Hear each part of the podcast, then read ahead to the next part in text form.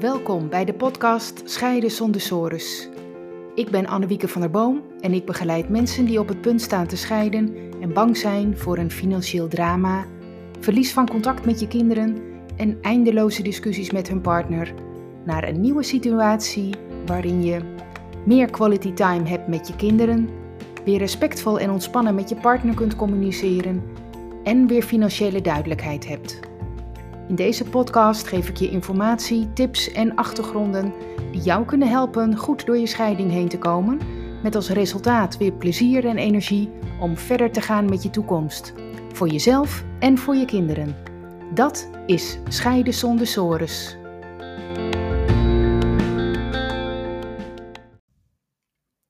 Mijn kinderen hebben geen last van de scheiding. Deze aflevering gaat over kinderen. Daar is natuurlijk heel veel over te vertellen, maar ik begin gewoon hiermee. Ik uh, vraag bij mediations altijd aan mensen hoe het met de kinderen gaat. En wat ik dan heel vaak hoor als antwoord is: Nou, dat gaat best goed. Uh, ja, ze zijn wel wat stiller dan anders, maar verder merken we eigenlijk niet zoveel aan hun. Um, en we zeggen altijd tegen de kinderen: Als er iets is, kun je het gewoon vragen of mag je het gewoon zeggen. Kun je altijd naar ons toe komen. Maar goed, dat gebeurt eigenlijk niet zo vaak. Dus ja, volgens mij hebben ze, hebben ze er niet zo'n last van. Dat, uh, dat gaat best goed. Ja, nou, dan gaan er bij mij altijd wel een paar alarmbellen klinken, rinkelen. Uh, kinderen hebben namelijk altijd last van je scheiding. Daar kun je zelf niks aan doen. Hoe goed je het als ouders doet of als partners die uit elkaar gaan, um, daar kun je helemaal niks aan doen. Kinderen hebben altijd last van je scheiding. Dit kun je niet voorkomen. Wat kun je wel doen? Je kunt er zo goed mogelijk mee omgaan. Um, ja, de kinderen hebben natuurlijk al last gehad van de spanning die er was in de periode voorafgaand aan de scheiding. Eh, ook al maak je geen ruzie waar de kinderen bij zijn, want meestal weet je wel dat dat gewoon niet verstandig is. En probeer je ook zo normaal mogelijk te, jezelf te gedragen en met elkaar om te gaan in de weken of maanden voordat jullie aan de kinderen vertelden dat jullie uit elkaar gingen, hebben ze echt wel gevoeld dat het anders was dan anders en dat er toch spanning in de lucht hing. Gewoon dat er wat aan de hand was. Ook als ze met één ouder in huis zijn, is het voor hun altijd voelbaar dat er iets aan de hand is. Um, ze merken het bijvoorbeeld ook direct als je iets negatiefs spreekt over de andere ouder, ook al is het maar subtiel bijvoorbeeld een, een iets andere toon of een net even scherpe opmerking. Ja, dus als jullie hebben verteld aan de kinderen dat je uit elkaar gaat, dan, uh, dan roept dat bij hun veel emoties en vragen op. Bijvoorbeeld, um, uh, komt het door ons dat jullie uit elkaar gaan? Houden jullie nog wel van ons?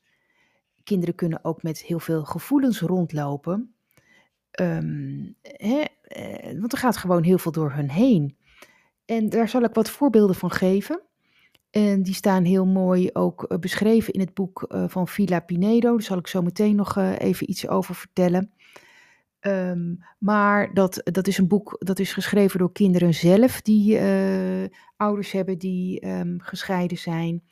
En die zeggen, nou, we hebben echt heel veel gevoelens die ons dan overvallen. En dan uh, ga ik er nou even een paar noemen. Bijvoorbeeld dat je het gevoel hebt dat de scheiding door jou komt. is erg hè, dat kinderen dat um, kunnen vinden, maar dat is er dus wel. Of dat je je verheugt op je nieuwe kamer. Of dat je soms heel boos kunt zijn. Dat je zin hebt in de nieuwe dingen die gaan komen. Dat je de boodschapper tussen, dat je jezelf je een boodschapper tussen je ouders voelt dat je je soms heel erg opgelucht voelt. Of dat je je opeens heel verdrietig kunt voelen. Dat je soms niks durft te zeggen over wat je voelt. Dat je soms stress hebt. Dat je het gevoel hebt dat je het alleen moet doen. Dat je soms het gevoel hebt dat jij de volwassene bent in het gezin. Dat je blij bent met je nieuwe stiefouder. Dat je soms bang bent voor de veranderingen die komen gaan dat je soms het gevoel hebt dat je moet kiezen tussen je ouders. Of dat je je schuldig voelt.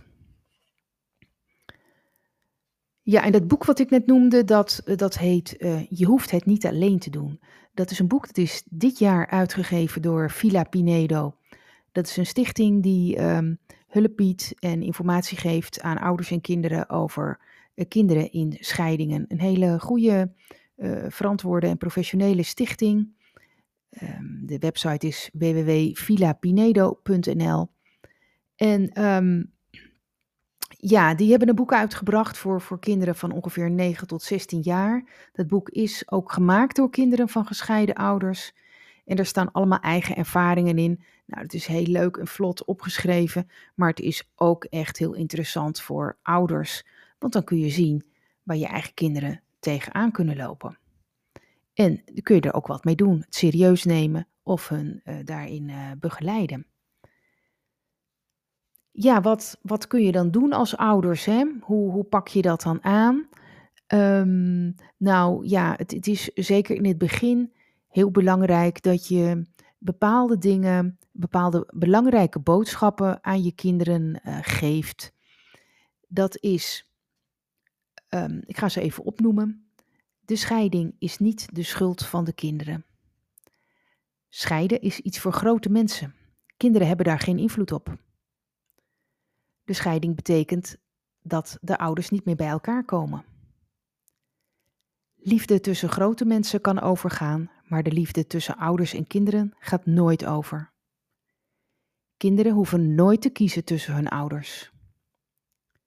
Door de scheiding zullen veel dingen veranderen in het leven van de kinderen, maar de ouders zullen samen goed voor de kinderen blijven zorgen.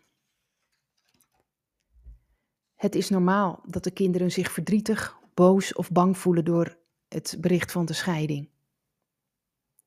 Kinderen mogen zich voelen zoals ze zich voelen. En kinderen mogen meepraten over hun leven na de scheiding, maar de ouders zullen de beslissingen nemen. Ja, dit zijn dingen die lijken voor, voor volwassenen eigenlijk heel logisch hè, en vanzelfsprekend. bijvoorbeeld eh, als een kind zich schuldig voelt eh, als je gaat scheiden, denk je, ja, dat is toch helemaal niet nodig. Dat, dat, dat, dat, dat weten we toch allemaal. Ja, nou dat is nou juist het verschil tussen kinderen en volwassenen. Kinderen kunnen zich wel schuldig voelen. dus al die punten die ik net noemde, is heel belangrijk om dat echt duidelijk naar je kinderen toe uit te spreken.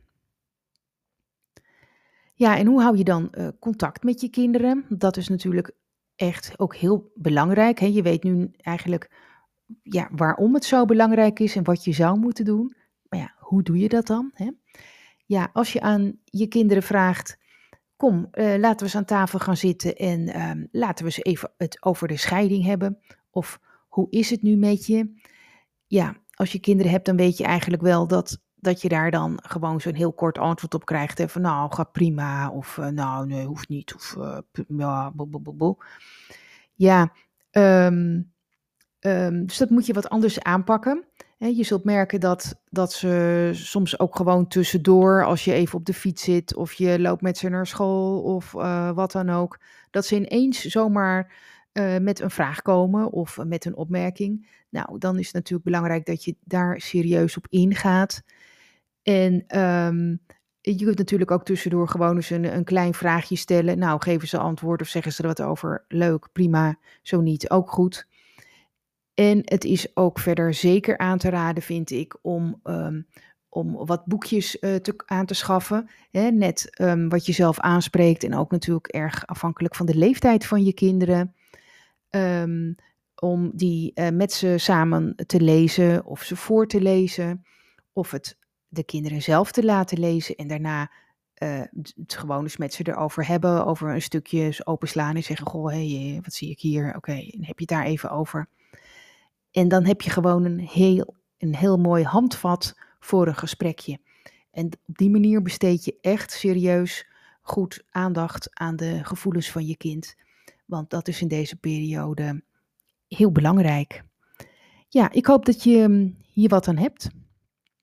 En um, tot de volgende aflevering.